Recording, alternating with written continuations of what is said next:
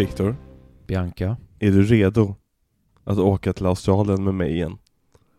Åh, jag trodde vi var klara med det där jävla landet efter många, många plågsamma veckor med Baz Luhrmann.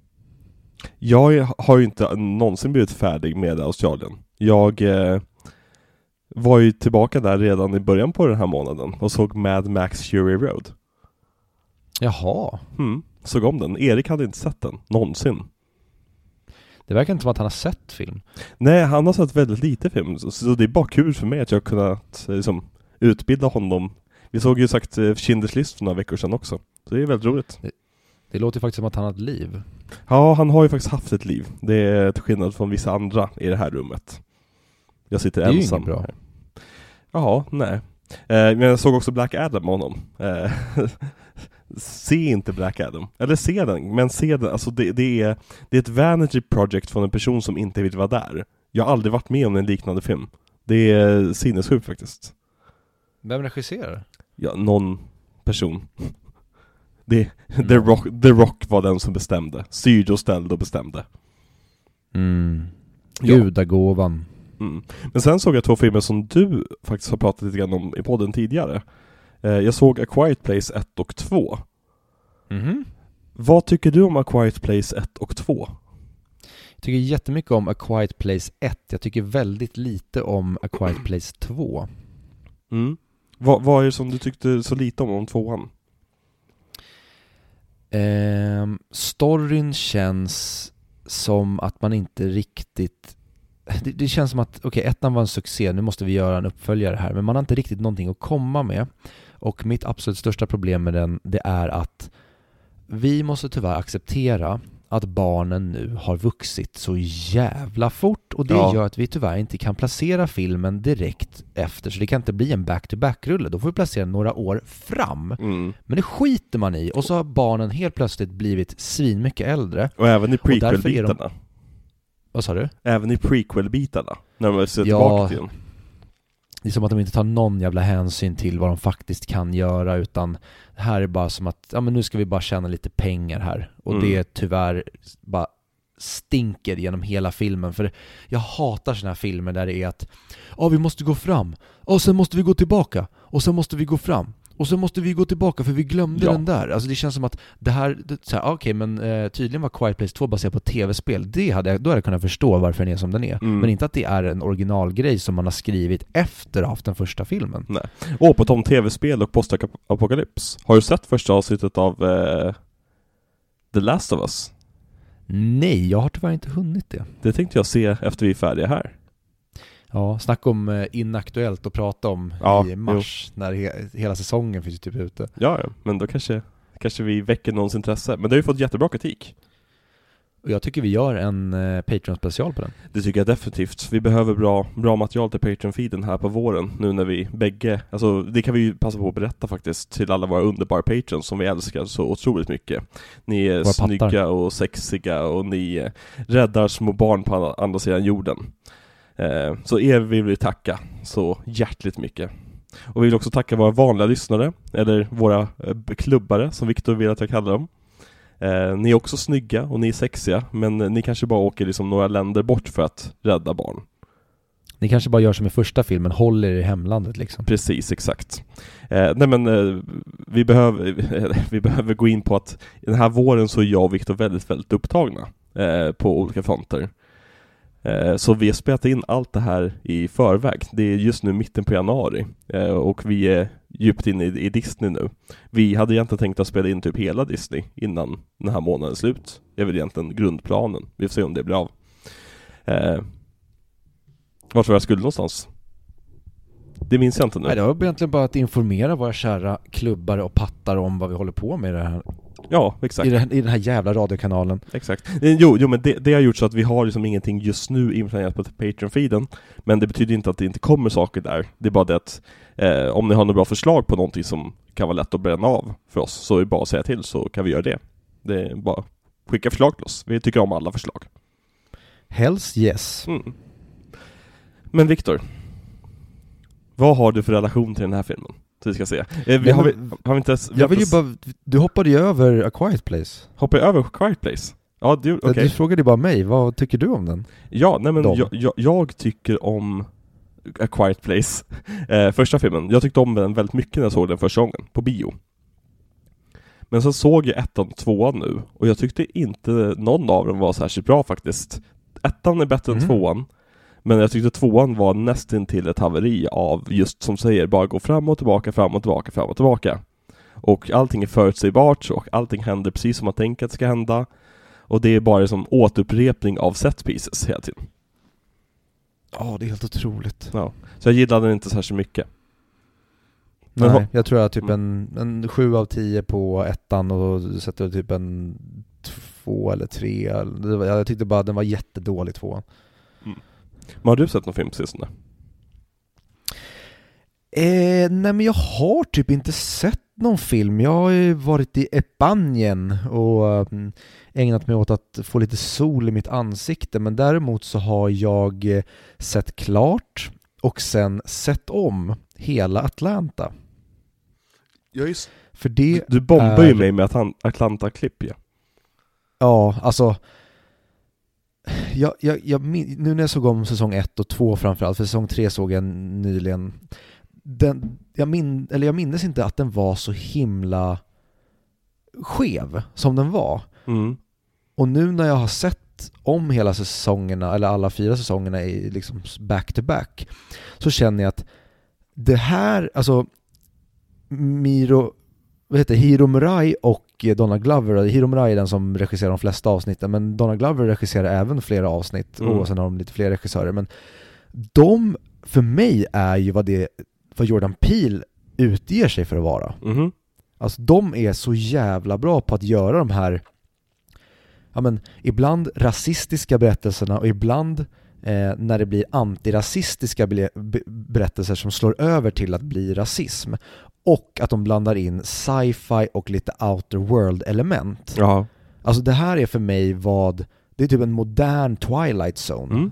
vad Atlanta är, för att den håller sig i, i vår värld. Mm. Men den tar hela tiden ut, liksom, den springer ut i att oj, det här är inte riktigt våran värld. Nej. För att den, de håller på och blandar in grejer och väldigt ofta så händer det skeva grejer som de typ accepterar. Alltså en, en Mm. grej som varit en stor snackis genom åren det är att i ett avsnitt är det med en osynlig bil. Och då egentligen bara tar de upp, eh, då är det en känd artist i serien som då har en bil som är osynlig och då säger de bara att äh, men det är en prototyp. Och sen så är det en scen i, i avsnittet där folk blir påkörda av en osynlig bil. Okej. Men det pratas inte om att så här, det, det är en osynlig bil utan det är mer som att det är en färg på bilen. Ja. Eller det är en Ja. modell. Ja, och nice. That's it. Och sen, sen nämns det aldrig igen. Och sådana grejer sker genom hela serien. Mm. Och det som jag också älskar så jävla mycket med det är att de varvar eh, huvudkaraktärernas story med att vissa avsnitt är bara kortfilmer, som Mm. in, där de inte ens är med. Som är så jävla välskrivna, välregisserade, som har väldigt roliga takes på, ja men framförallt då att det finns roliga saker när det kommer till rasism. Ja. Och nice. nej, det är bara en av mina absoluta favoritserier och ja, men jag läste en intervju häromdagen med, jag tror det var Nej det var, nej, det, var Hiro Murai och han sa det att just de, de har inspirerats mycket av eh, Twin Peaks Mm. och det märks verkligen för att det sticker, det är vissa grejer, saker är bara konstigt Mm. och jag älskar när det bara är konstigt utan att det, det behöver bli att man sitter i slutet av serien och, och liksom, nu ska vi lösa vad det är, är det en portal till en annan värld? Utan det här är bara Atlanta som är lite, Mm. lite för höjt. Men det finns på Disney Plus va? Ja, Ja. Fan jag borde checka in den. Jag behöver en ny bra serie att kolla på. ja serien och säsong tre framförallt är, framförallt gillar man att resa, men gillar man att resa på typ det sättet som du och jag ofta reser, med liksom det som vi ofta försöker liksom ha i, i vår famn när vi reser för att Mhm. vara lite subtil här, så är det drömavsnitt, alltså det är när de, de är på turné, spoiler alert, men det spoilar ingenting, och de är bara i olika europeiska städer och sticker ut på äventyr helt enkelt, och det är Mm. helt underbart. Kul. Ja, Mm. så det, det är typ det jag har hunnit se på sista tiden. Jo men det är nog bara det. Ja. Ja. Jag, jag var såg om Avatar Way of the Water med brorsan. Mm. Lika bra andra gången. Ja, ja, de där tre timmarna bara flög förbi för mig. Ja, okej. Det finns som verkligen Ja, landar för nej. mig att jag, jag tycker verk, verkligen väldigt mycket om den filmen. Ja, jag är, jag är glad för din skull. Jag, den har verkligen eh, tynat bort i mitt medvetande och det var inte bra för mig att jag lyssnade på Noipods recension för de bara slog i de spikarna jag redan kände tyvärr. Mm. Jag säger det, du ska aldrig lyssna på negativa människor för då blir du också negativ Viktor. Jag försöker hålla dig och bli, göra dig positiv här. Ja, men eh, ibland så måste man följa sitt hjärta. Ibland måste man följa sitt hjärta till Australien. Välkomna tillbaka till audio-videoklubben. Dun,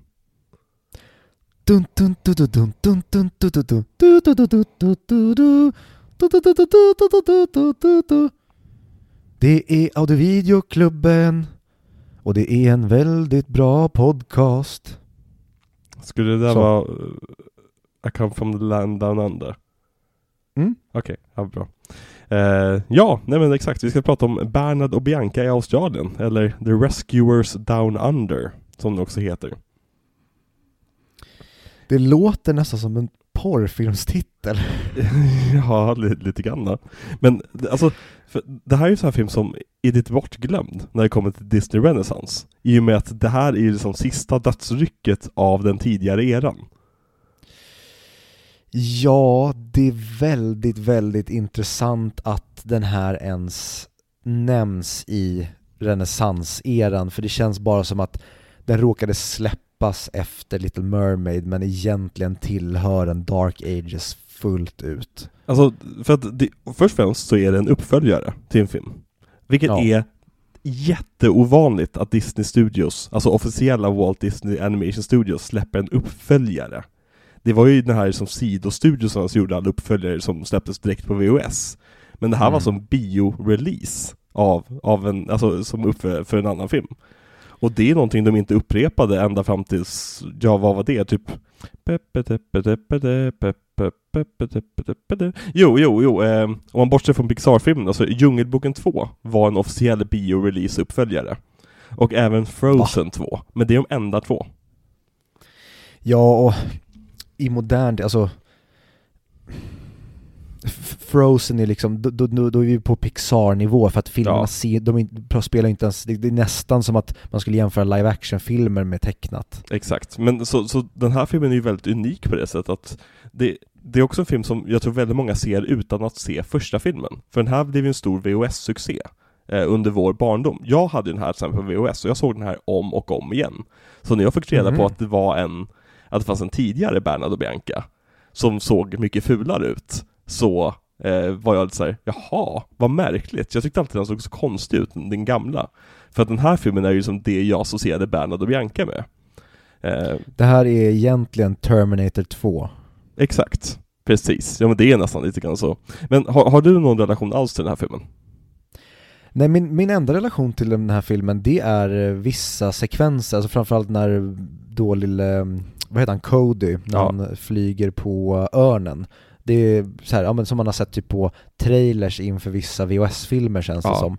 Men jag har aldrig sett den här filmen och jag tror inte att jag har sett eh, första filmen heller tidigare. Jag, men jag har mycket det finns fler typ fragment i min hjärna av hon då skurken i första filmen och Mm. krokodilerna än vad det finns delar från den här filmen. För den här filmen är verkligen typ bara pojken när han typ ja, men flyger på örnen som det enda som jag minns. Jag Ja. minns inte mm, Jake, jag minns inte McLeish, alltså jag minns typ inte ens Wilbur. Nej, nej men, för att så, det är ju rätt intressant att det här är nog en av de första filmerna som vi har sån otroligt olika liksom, relation till.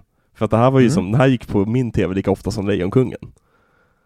Åh fan. Så det, ja, det var väldigt roligt. Och det är väldigt kul att se den igen, för det är en film jag inte tänkt på på säkert 20 år, 23 år. Mm. Eh, så väldigt kul att få se om den.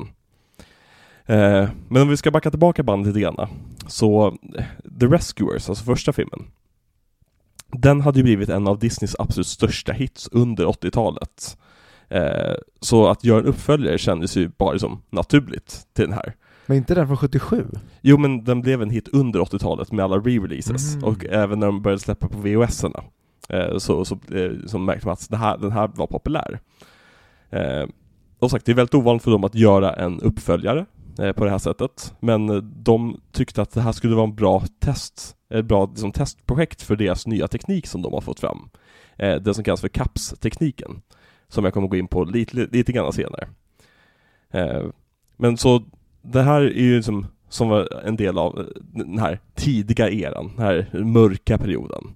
Eh, anledningen varför den här tog så, alltså släpps mitt under renässanseran, är just på grund av att den tog rätt lång tid på sig att bli skapad. För att de ville verkligen få till miljöerna. Det var väldigt viktigt för dem att det skulle kännas som en, att de hade varit i Australien och ville liksom få fram alla de här olika biotyperna i Australien. Och alla djur och så vidare. Så även fast det här kanske känns lite som en, en lite märklig film i renässanseran skulle jag säga att det här är en jättebra liksom, companion piece till Lilla Sjöjungfrun som vi pratade om förra veckan. För Lilla Sjöjungfrun är väldigt mycket att de testar sig fram med vad kan vi göra storymässigt? Vad kan vi göra musikmässigt? Medan den här filmen testar sig fram med vad kan vi göra teknikmässigt? För att mm. även om jag tyckte att den här filmen, lite spoiler alert, men jag tyckte att den här filmen var lite fattig så tycker jag att det här är en fucking gorgeous film att kolla på. Jag älskade varenda som visuell sekund i den här filmen. Nej men jag, jag håller med dig, alltså, och det kan jag säga direkt, den här filmen den jättetråkig, alltså det fanns ingenting, och som du säger, det är en fattig film. Mm. Och den, det känns inte ens som att den vill ha med sina huvudkaraktärer. Det känns knappt som att egentligen borde det här vara en, en egen film som handlar om en pojke som bor i Australien som egentligen har en relation till en örn och så kommer ja. en, en jägare och sen så bara så här, ah, okej okay, men hur kan vi få den här att typ eventuellt bli sedd? Ja men vi tar in eh, karaktärer som var jättesuccé tidigare, Bernd och Bianca. Jaha? Okej okay, men vi, och de gör inget. Det här då. Okej okay, men vi skriver en triangeldrama. Ja fast vi skiter i att utforska triangeldramat. Mm. Jaha, okej. Okay. Uh, all right. Ja, men okej. Okay. men vänta, vi har, ingen, vi har ingen speltid här, vad ska vi göra? Eh, vi gör att fågeln som de flyger dit med, han blir typ buttrapad av en läkare och ska, som ska fixa hans rygg. Ja men för att den här filmen har verkligen strukturen av en direct to VHS, VHS-film. Ja. Men budgeten av en biorelease. Och, och, det är helt sjukt, vad hade den? 400 miljoner dollar? 400... Nej, 40 miljoner dollar. Ja, jag tänkte 400, det är ju John Carter-siffror. Uh, nej men alltså, för att den... Den är ju, vad är det, en timme och tio minuter lång. Den är ju kortare än Little Mermaid också. Ja. Och den, den liksom, det händer ingenting och det är nästan... Det är nästan som man skulle kunna klippa ut Bernhard och Bianca ur filmen. Och man, det skulle vara en, liksom, en, en stabil entimmesfilm. Men saken, så, det som jag kom att tänka på när jag såg den här filmen, det var ju det att om det är någon de ska göra en remake på, det är ju den här. För att det finns så mycket potential här tycker jag. Mm -hmm. För att varför göra remake på de lyckade filmerna? Alltså typ Lejonkungen och Lilla, Lilla Sjöjungfrun och Beauty and the Beast, som är liksom så här jättebra mästerverk, flesta av dem när man har den här som har mycket potential. För jag tycker, jag tycker väldigt mycket om det här som med, eh, vet du, McLeach, han skurken. Han ser som maskin som han åker runt med och han ser som eh, lär och grejer. Och hela han, jag tycker det är en intressant karaktär det här, med, så vi har en skurk som vill mörda barn, men vågar inte riktigt göra det själv, så han ska hela tiden försöka offra honom till krokodilerna. Ja, nej men McLeish är, han är kul som fan och jag som såg det på svenska, jag har ju Allan Svensson som pratar honom och det är, är det? underbart. Det är ja. det jag var uppväxt med antagligen då. Ja, mm. det är så jävla bra. Det finns en scen, jag minns inte exakt vad det är, men han pratar i typ samtalston. Ja. Och sen helt plötsligt för ingenstans så skriker han ja. och Allan Svensson är så jävla bra på att leverera det där. Jag satt och kollade på jobbet på datorn och jag bara mm. garvade rakt ut och min mm. kollega undrade vad, vad kollar du på? Jag sitter och kollar på Bernd Bianca Australien. Om det är bra betyg ändå. Ja, verkligen. Men jag, jag gillar McLeach, eh, hans relation med Joanna. Eh, jag tycker de två spelar mot varandra rätt bra. Joanna, alltså, Joanna skulle så lätt kunna bli superirriterande som karaktär. Eh, men ja, hela... Och här har vi liksom förstadiet till Hades och skrik och panik ja, i relationen. Exakt. Precis, och även från förra med uh, Ursula och Floatsam och Jetsam. Ja, precis. Och sen har vi även att han, på, han känns ju verkligen som, här har vi lite av ett embryo till Frollo. Mm. Oh ja, de är ju typ samma karaktärsdesign nästan. Ja, verkligen. Alltså i ansiktet. Uh, ja, men uh, det kom en väldigt stor och viktig film för den amerikanska kulturen 1986. Det var en film som ändrade allting, som gjorde så att eh, jänkarna började tänka om lite grann. Eh, tänka lite grann mer på miljön och tänka på hur man, vilken impact man har på den här planeten och vilken impact man har på sina medmänniskor. Och det var ju då Crocodile Dundee som kom 1986 och blev gigantisk i USA för någon jävla anledning. Jänkarna var helt galna i Crocodile Dundee och alltså Australien var ju verkligen på tapeten. Så det är ju därför den här filmen utspelar sig i just Australien. Eh, och tecknarna och regissörerna, eh, de ville ju att pojken skulle handla om en, om en nu, nu är det här ordet igen Viktor, jag vet inte hur jag ska approchera det här. Aboriginer? Eh, tack så mycket. Auberginer? En aubergine, en aubergine. Eh, men Katzenberg, som då mäster, mäster, eh, liksom huvudansvarig för allt det här. Han bestämde att det skulle handla om en blond liten pojke. Ja, varför, okej, det var ju, nu har jag helt plötsligt fått en enorm respekt för Australia där Baz Luhrmann tar det kastade manuset från Band Bianca 2 och mm. gör Australia. Ja, verkligen. Så du säger någonting positivt om Australia? Ja, det är ett mästerverk. Alltså, det, det, den bra filmen ligger ju någonstans här emellan den här och Australia. För Australia är ju för lång och tråkig och den här är för kort och hetsig. Ja. Och båda två har typ Hugh Jackman karaktären. Ja, eh, ska bara säga det innan vi går vidare. Mm. Eh, hon som pratar eh, Bianca mm. är ju hon som pratar Duchess i Aristocats. Mm. Och den rösten skulle jag vilja ligga i typ ett rör och bara ha hennes röst viskande i mitt mm. öra. Ja, men alltså, okej, okay, ska vi gå rakt in på karaktären så Bianca är ju så jävla mysig. Hon känns ja. så supervänlig och härlig tjej liksom. Eller kvinna, ja, ska Det här, nu tillbaka till vad man är skadad av samtiden och därför tyvärr ser man liksom gamla filmer med de glasögonen som man mm. gör, men hon är stark och självständig. Ja, utan att liksom Ut kompromissa med sin kvinnlighet. Ja, och utan att kommentera på det. Hon ja. är bara Bianca. Och så tycker jag det är väldigt roligt med Bernhard att han mm. är väldigt tafatt och Men att han lär sig hitta sig själv lite grann. Ja, precis. Att han behöver i slutändan bli hjälten trots att han inte klarar av kanske att vara hjälten. Ja, exakt. Och hela det här med att han ska fria, men så, alltså deras stories, deras story är rätt bra om det hade sammanfattats i en 10 minuters kortfilm typ. Det är bara det att de inte ja, men... behövs för resten av filmen. Precis, de kokar verkligen soppa på en spik här för att just giftermålet hade kunnat gå att göra, men den, det har ingenting i den här filmen att göra. Nej, det osar ju verkligen att vi måste ha mer karaktärer från en tidigare film. Vem vinkar du åt? Eh, nu kom Kenneth och Becka hem här. Okay. Och Becka kunde tyvärr inte vara med idag för han har varit ute och dansat med Kenneth mm. igen. Igen? Varför håller du inte koll på din kvinna för? Ja, därför att jag är som Bernhard. Hon ja, sticker iväg med Jake i the outback och har roliga äventyr. Exakt. Nej men, eh, under den här tiden som jag var inne på, efter Crocodile Dundee, så var ju Australien och miljömedvetenhet väldigt populärt. Eh, så Disney bestämde sig för att inte ha några sjungna låtar i den här filmen. För att det skulle då distrahera från budskapet och actionen. Och den här filmen marknadsfördes ju väldigt mycket som Disneys första actionfilm. Um, och det tycker jag man ser spår av, att det, liksom, det fanns lite mer av en Indiana Jones-äventyrskänsla i den här filmen. Snarare än liksom, den typen av action som det fanns i Little Mermaid. Ja, verkligen. Mm.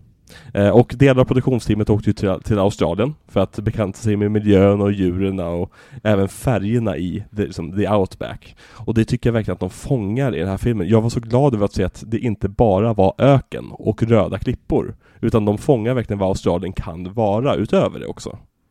Mm, mer liksom den här tasmanska känslan. Ja, och liksom den här som vattenfallen och liksom forsarna och djungeln och eh, bara ta introsekvensen när de åker över det här blomfältet. Det var ju nostalgi, liksom trigger för mig, Guds nåde. För det, det introt har jag sett hundra gånger. Uh. Skitsnygg sekvens och, fram, och även när han flyger med örnen och det, ah. det, det, tycker jag väldigt mycket om till skillnad från förra veckans film att här börjar vi få den här, det här djupet i bilden när saker börjar kännas mer filmiskt och känns mer 3D när de börjar verkligen få in CGI i det hela. Exakt, och det är ju på grund av CAPS-systemet som jag kom, vi kan gå in på det på en gång. För CAPS, sure. det är egentligen, um, jag minns inte vad det står för men typ computer animated uh, picture bla bla bla. Eh, men det man gör i, i alla fall, det är då att man skannar in allting som man, som man har ritat och sen kan man kompos, eh, komposera, eh, komponera bilden i, i datorn i efterhand. Och man kan färglägga i datorn och man kan ju som eh, fortsätta med inkingen, jag vet inte vad det heter på svenska, men i datorn. För, och det, på det sättet kan man spara skitmycket tid. Eh, och det man gör egentligen är att man slår ihop massa handmålade cell- celler. Och ska, det gör så att det skapar det här otroliga djupet som du får i väldigt många scener här. När du har liksom flera saker som åker framför varandra. Vi ser till exempel tydligt i Codys eh, sovrum på morgonen, när han ligger där i sin, liksom, vad heter det? Hängmatta nästan. Eh, och man Mm. liksom åker förbi stolen och grejer. Det jag tycker det är jättevackert eh, animerat. Men Verkligen. det, det här CAP-systemet, det är då eh, framtaget av ett litet företag som var skapat av Steve Jobs, som heter Pixar.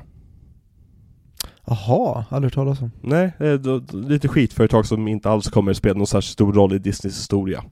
Alls.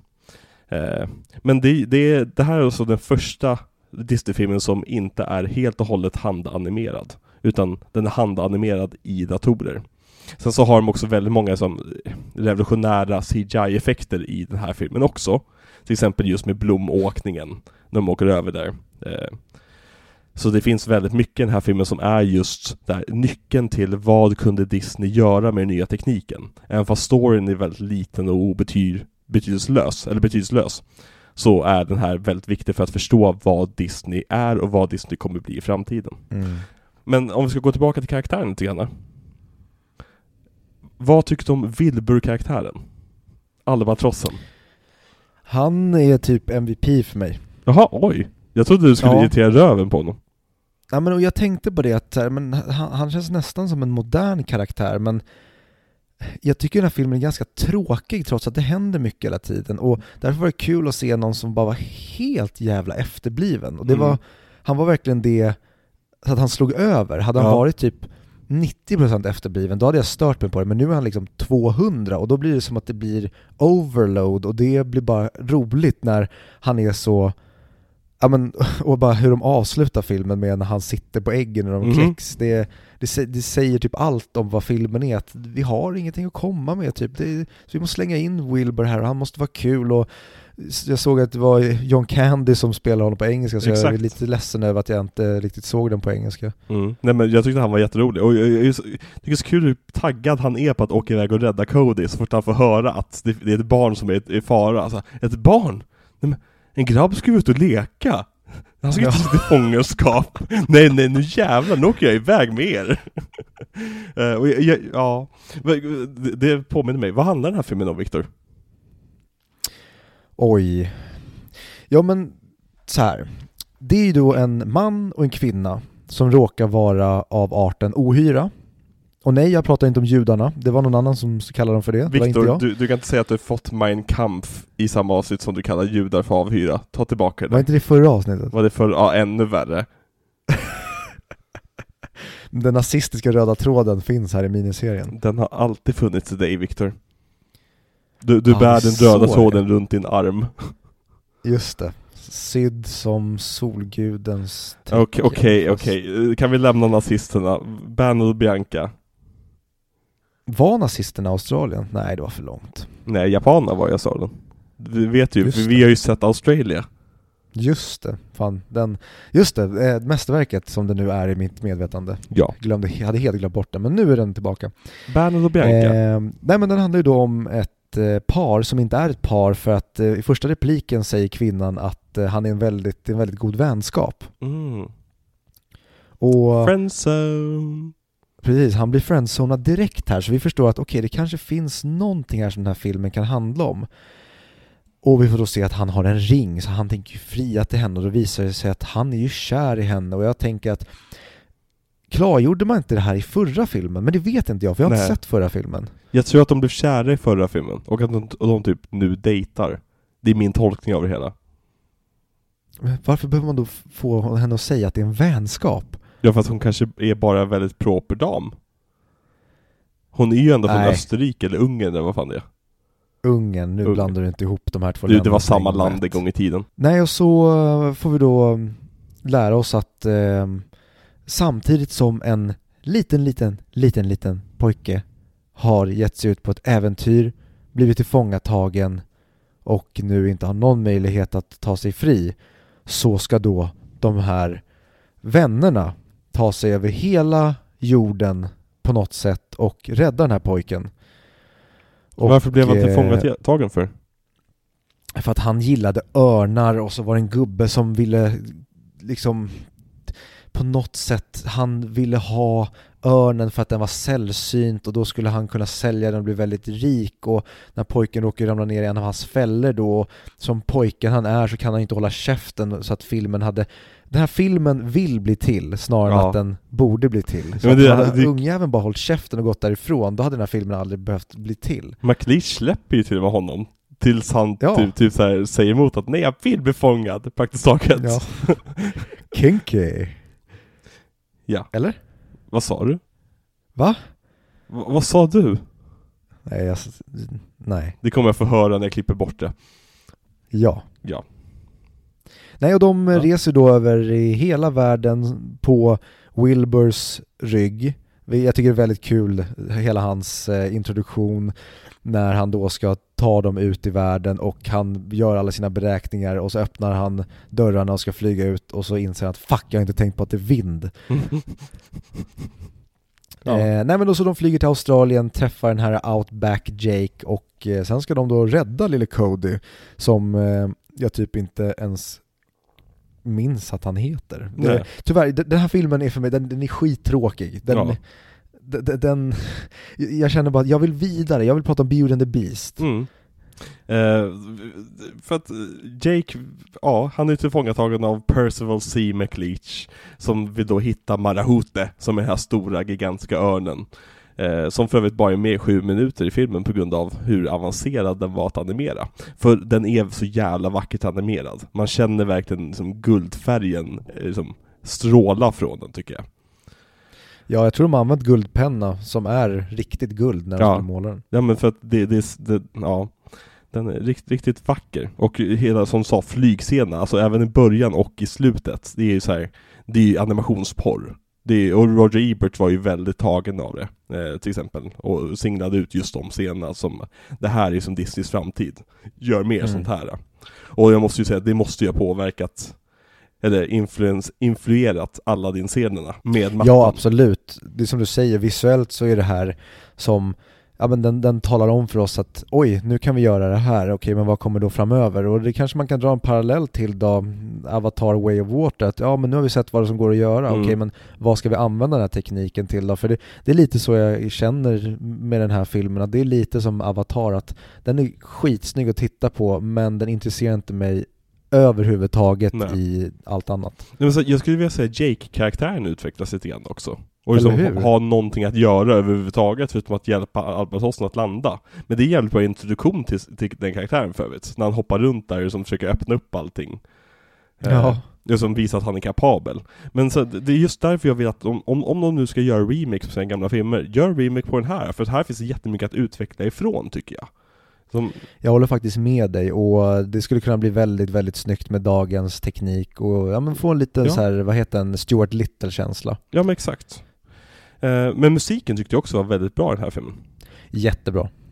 En sak som är väldigt roligt är att Marahutes tema låter ju som We Wish You A Merry Christmas.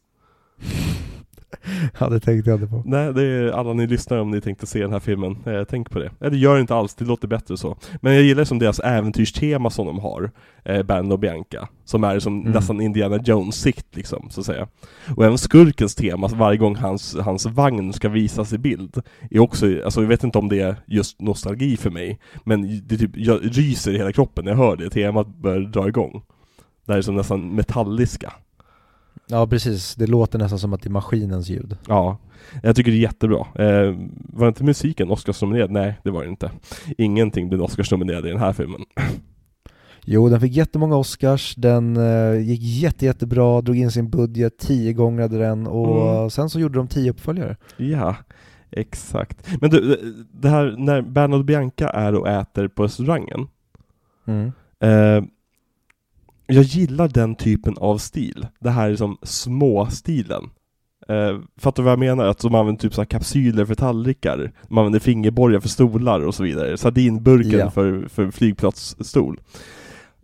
Vet om, du har ett, om det finns ett ord för det? Ingen aning faktiskt. Ska vi mynta ett? Ska vi döpa det till mouse punk? Mousepunk? Ja men som steampunk. Alla de här stilarna heter ju alltid någonting med punk, för att steampunk, det som är moderstilen. Ja, annars eh, Nils Karlsson Pysselinskt. Jag, jag skickade den här frågan till en polare som lyssnar på podden. Eh, hon svarade att, Mm. vi, att det är small core, men det låter bara som en porrkategori, tycker jag. Så jag hoppar, vi hoppar över den. Nej, nu är det smallcore. small core, okej, klart som fan du skulle tända på det. Visst. Eh, tack vare Lollo så heter det numera small core och Viktor godkänner. Tack Lolo. Tack så mycket till vår lyssnare Lollo. Eh, har du någonting mer du vill prata om i den här filmen, eller ska det här bli vårt kortaste avsnitt hittills? Eh, nej men jag kan ju bara nämna att eh, han som pratar Jake Ja. på, i den svenska, det är ju då samma person som pratar, eller pratar jag inte, som spelar Christer i Karlsson på taket, alltså lillebrors storebror. Jaha. Gör han en bra australiensisk dialekt? Nej, inte alls. Han kör ju sin eh, söder, sitt södertugg som han eh, även har i Karlsson på taket. Men jag kände igen röst och det tycker jag, det var typ det roligaste med den här filmen. Det var att försöka, så här, vem, vem är det där? Va, vems röst är det? Mm. Och um, han, det visste jag inte, men eh, han som spelar då Christer, alltså storebrorsan i Karlsson på taket, han spelar även, för er som då är Astrid Lindgren inbitna, Mhm. han spelar Benka i Pippi Långstrump, alltså han som jagar den här lilla blonda pojken som Pippi sen sular upp i trädet. Så att ehm, det var han, lite trivia, men jag tycker väldigt, väldigt mycket om hans röst för den för mig också så här, ja men så mycket av det här som det nog kommer vara genom hela den här miniserien, det är Mm. barndom. Så det är väldigt kul att eh, se de här på svenska känner jag. Nej men jag håller med dig. Alltså det, jag hade nästan velat se just den här på svenska för att det här är den enda jag inte har en relation till den engelska på något sätt på. För de andra har ju jag sett om på engelska och liksom bekantat mig med den engelska versionen genom åren. Men i och med att den här var en film som jag aldrig återvände till eh, efter att jag liksom blev tonåring så är också den e- svenska versionen den enda versionen för mig. Så det, jag kanske borde se den. Om jag ska se den med min brorson kanske jag ser den på, på svenska. Ja, för guds skull. Ja, och det här är en jättebra barnfilm skulle jag säga. Mm. Alltså i och med att den är så Verkligen. kort och håller liksom deras intresse snabbt. Och just att det finns lite mörker som i krokodilerna och som att han låtsas att, att eh, fågeln är död och så vidare. Mm. Också väldigt kul eh, karaktär Ödlan i ehm, när alla djuren är tillfångatagna och hur Mm. han lyckas ta sig ut till slut och sen Mm. stänger in pojken ändå. Den delen tyckte jag var ja, men, skojig Ja, på något sätt. exakt. Fast fortfarande, eh, vad säger man, det, det är för mycket klipp, den hoppar för mycket den här filmen som gör att den känns typ lång fast den är så himla kort. Mm. Ehm, Men jag tycker också väldigt mycket om i slutet då, när Bernhard faktiskt blir en mördare. Mördare? Ja, för att eh, McLeish kommer ju inte ramla ner, men Bernhard han trycker ju på hans skosula så att han ramlar ner i vattnet. Ja, och därför får han bollarna att fria sen till Bianca. Jajamän! För precis som Bronn säger i Game of Thrones, There's nothing like a woman after your first kill. Exakt. Det var precis därifrån, eh, vad heter han, George R. R. Martin fick det. Ja, exakt. Ja, det här är från 90-talet. Alltså 90 kom den här filmen. Första Game of Thrones kom 95. Så. Ja, så att han satt och kollade på Bernhard och Bianca och efter Bernhards mord så kände han att nu har jag hela storyn klar här. Mm. Ja, det är, det, det är exakt så det gick till. Men eh, vad tycker du Men det, men det skulle ju göras en, det är också kul att även fast den här filmen gick helt åt helvete ekonomiskt så planerades faktiskt en uppföljare. Den lär ju förmodligen gått direkt till VHS. Men det som stoppade den, det var ju att Eva Gabor, att hon dog 95, för de skulle faktiskt göra en uppföljare skulle komma 96. Mm. Det hade varit väldigt kul att se faktiskt, ändå. Hade det det? Ja, för ja, men sagt, i och med att jag, jag hade den här filmen så nära hjärtat under min uppväxt så hade jag säkert sett den när den kom. Så sam samma sätt som jag såg Aladdins uppföljare. Ja. Mm. Eh, men posten till den här filmen, vad tycker du om den? Eh, jo men, den är väl... Nej, den, får, den tyvärr, den är inte så intriguing. Jag tycker att Jake passar inte in, resten ser bra ut. ja, det var synd att de inte gjorde mer med honom att han hade sina kängurben, det hade varit intressant. Ja, nej men jag, tycker, jag, jag, jag älskar färgerna på den här posten. Jag tycker den är Mm. väldigt, det är lätt att vrida ögonen på den. Och speciellt Den är Disneysk i färgerna. Ja, men speciellt efter allt det här svart och vitt som Bond-poserserna var, så är det skönt med en, en, en poster med lite färg. Ja. Eh, men sen så, nej alltså det finns snyggare Disney-posters. Det här, återigen, postern känns återigen som att den hade släppts på VHS. Den här, den här filmen, det här, nej, åh, jag kommer det här är True Lies. Jaha? Ja men i det att storyn är så liten och quaint att man egentligen inte bryr sig, men produktionen är så jävla hög på den. Ja, tyvärr så har de ingen Arnold Schwarzenegger som gör att det är skitroligt att hänga med dem. Nej, exakt. Ja, eh, så vad sätter du för betyg på den här Viktor? Nej du, vänta, vänta, jävla- vänta, vänta. Vi måste prata om mottagandet först. Ja. För den, här, den här filmen släpptes ju 1990. Eh, och den öppnade samma dag som Ensam Hemma. Aj, aj, aj, aj, aj. Som också hade John Candy i sig. Eh, och den filmen stal ju uppmärksamheten, så kan man, kan, kan man ju lätt säga. Så den här filmen drog bara in 47,4 miljoner och blev ingen särskilt stor hit. Mest på grund av att eh, den svaga första helgen gjorde så att Katzenberg drog in all marknadsföring och praktiskt taget dömde den här filmen till döden. Ja, det var nog bra pengar som han sparade på det. Fast eh, om, om den hade fått liksom fortsätta liksom med, med trailers och liksom folk hade fått se det som att, så, men gå och kolla på det här. Det, det hade säkert liksom blivit liksom att de kunde sälja lite leksaker, lite, lite broscher, lite ryggsäckar med vingarna på, eller bara det här med fjädern hade kunnat bli en stor grej att, att sälja. Liksom, jag, jag, men, jag tycker lite att efter en dålig helg, att dra ut proppen helt och hållet på marknadsföringen, tycker jag är lite, lite fittigt av honom. Nej, jag, jag backar honom. Hade jag varit aktieägare hade jag sagt well done. Han motbevisades ganska omgående när VHS-releasen kom. Ja, Den drog in 72 miljoner i sin första VHS-release. Damn! Ja. Så det här, det här är nog en film som väldigt, väldigt många har sett, men väldigt, väldigt många har glömt bort. Just på grund av att den är så pass oskyldig, typ. Mm.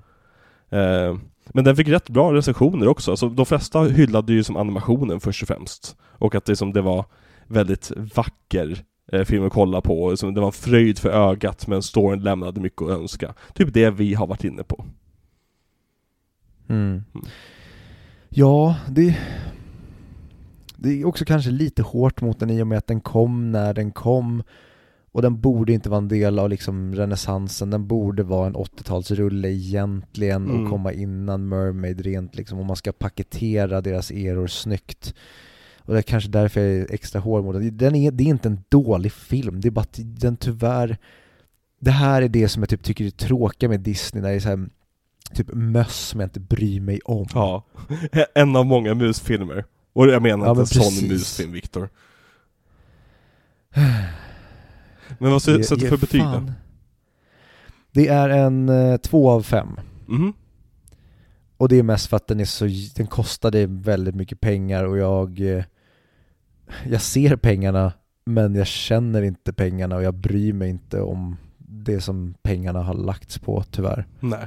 Nej, inte jag heller. Men alltså, den, den, den, är, den är helt, som du säger, den är helt oskyldig och det är Ja. väl det som är, den är ganska tråkig och som du säger, den glöms lätt bort och det är då, då blir det tyvärr inte ens två och en halva godkänt för mig utan det är, det är underkänt. Lägg, det har hellre kunnat lägga de här pengarna på kanske lite ja, men extra animering till eh, Little Mermaid och halva budgeten på lite mer animation till eh, Beauty and the Beast Mm. eller lite mer marknadsföring på dem, inte för att det behövs men om Mm. jag skulle lägga pengarna på något annat istället. Jag sätter då fem av fem, nej, jag sätter tre, tre av fem på den här. Eh, jag, jag alltså, nostalgin för den här räddar den väldigt mycket för mig, men annars håller jag med dig helt och hållet. Jag tycker att den här har ingen business att höra hemma i renässans, egentligen. Om det inte hade varit för teknikvinningarna. Mm. Någonting som är väldigt nice med den, det är Ja. när eh, mamman får dödsbeskedet och Ja. de kör en nästan Tom och Jerry, man får inte se ansiktet på henne. Exakt, man får inte se ansiktet på någon vuxen förutom McLeach. Nej, och jag kollade faktiskt, eh, skummade igenom den första filmen och då fick man se ansiktet på folk. Okej. Men då såg alla ut som Aragorn i eh, Bakshis Sagan om ringen. Jaha, alla var native americans. Nej men alla var liksom samma animation, det var nästan som att de var Ja men den Aragornen fast typ mindre, mindre karaktär i, så de var ganska bara blanka allihopa Ja. och då förstår jag att man skippade de vuxnas ansikten i den här. Men jag tyckte det var kul också när McLeach säger, när han sitter och funderar på typ så hur han ska lura pojken. Och så säger han, det enda pojken bryr sig om det är den här örnen, han har inget annat. Då tänker jag bara, va- varför inte använda hans morsa som lockbete för? jag vet. Och, och även ögonblicket när Mc- McLeach som visar att han är ond, när han ställer sig över Joanne och hans ögon börjar lysa rött praktiskt taget. När han Ja. börjar prata om äggen. Eh, såna, jag gillar hela den liksom, lite grann typ helan och halvan rutinen de har där med äggen. Att han flyttar på äggen samtidigt som han pratar och eh, pratar sin plan. Ja, jag tycker McLeach förtjänar en bättre film. Ja, för att McLeach är en jävligt bra karaktär. Jag, jag, jag kan se Pete Postlethwaite spela den rollen. Verkligen. Ja, på ett bra sätt. Det, ja, McLeach borde fan få en spin-off. Han borde få en miniserie på Disney Plus. Där han bara går runt och dödar djur. Och så är det Jake som ska försöka stoppa honom. Ja, exakt. Ja, fan. Där har vi det, Viktor. Där har vi det. Mm. Men okej, så alltså, din MVP är då McLeach misstänker jag. Åh. Eller Bianca. Jo, ja men jo, han är, han är, Wilbur är liksom, han, han är kul, men McLeach är ju bra. Han, Ja, han, han får mig att verkligen längta efter Frollo. ja okej. Ja, men jag, min MVP är McLeach också. Och min LVP, det är eh, Musdoktorn. Fast nej, fan, hans, hans assistenter är fan min MVP. Ja men vad, vad, vad, vem skrev in det där? Det är helt sinnessjukt. Det känns som att de skrev in det för att göra filmen till en åtminstone lite mer speltidslängd liksom. Ja, det är Ja. så jävla märkligt hur de bara ska buttrapa honom och fixa hans rygg och... Ja. Ja. Och så slutar det med att hans rygg fixas i alla fall och så flyr han därifrån. ja. Det är jättemärkligt. Ja. Eh, LVP då? Vad har du för LVP? Alltså det är ju typ de som ansåg att den här filmen behö- skulle göras. Ja. Verkligen. Vad de kunnat göra, lägga pengarna på istället liksom. Det är det, det jag tyvärr känner. De hade kunnat lägga pengar på en film som kommer nästa vecka. Du, det hade de förmodligen. Ja. Vi ska tacka våra patrons. Thank you our eh, pattar and clubs. Yes. Ja men bra, då, då, det var en snabb sammanfattning för vi pratade rätt mycket förra veckan om våra patrons. Eh, och tack också till våra vanliga klubblyssnare. Nu blev det en märklig sammanfattning. Eh, som likar, delar våra inlägg och allt sånt där. Det är, vi älskar er allihopa. Ja, Ja. vi gör verkligen det. Vi eh, älskar er, eh, våra pattar, vi älskar våra klubbare och ehm, Även de som inte med det. Det- vi älskar er som inte lyssnar också. Ni är Ja. jätteduktiga på det. Och det, det blev ett lite kortare avsnitt den här veckan, men eh, så är det ibland när man pratar om en film som är typ så här 10 minuter lång, känns som. Eh, det, det finns inte jättemycket att prata om i den här filmen. Eh, Nej, men vi behöver spara munlädret inför det som kommer framöver nu. exakt, för nu kommer vi komma in i liksom vad jag i alla fall anser vara gulderan av den här eran. Och det är då, ja, vi behöver inte spåra någonting, men det börjar med Beauty and the Beast, eller Skönheten och Odjuret. Den första och enda animerade filmen som någonsin har blivit Oscarsnominerad.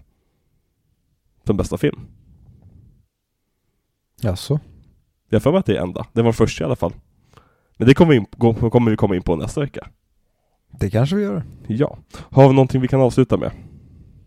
Marahute. Varför heter saker inte på H? Ja, för att en jobbig bokstav att börja på. Jag vet inte varför vi har regler att det ska börja på H, varför vi sa Harry Potter.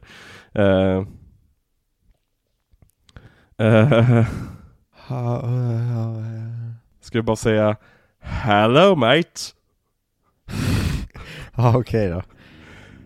Hello, mate.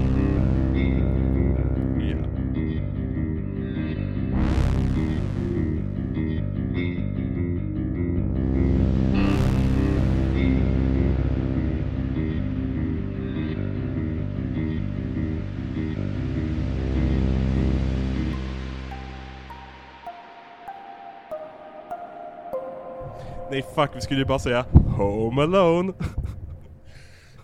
ja, det skulle vi Ja, fuck it.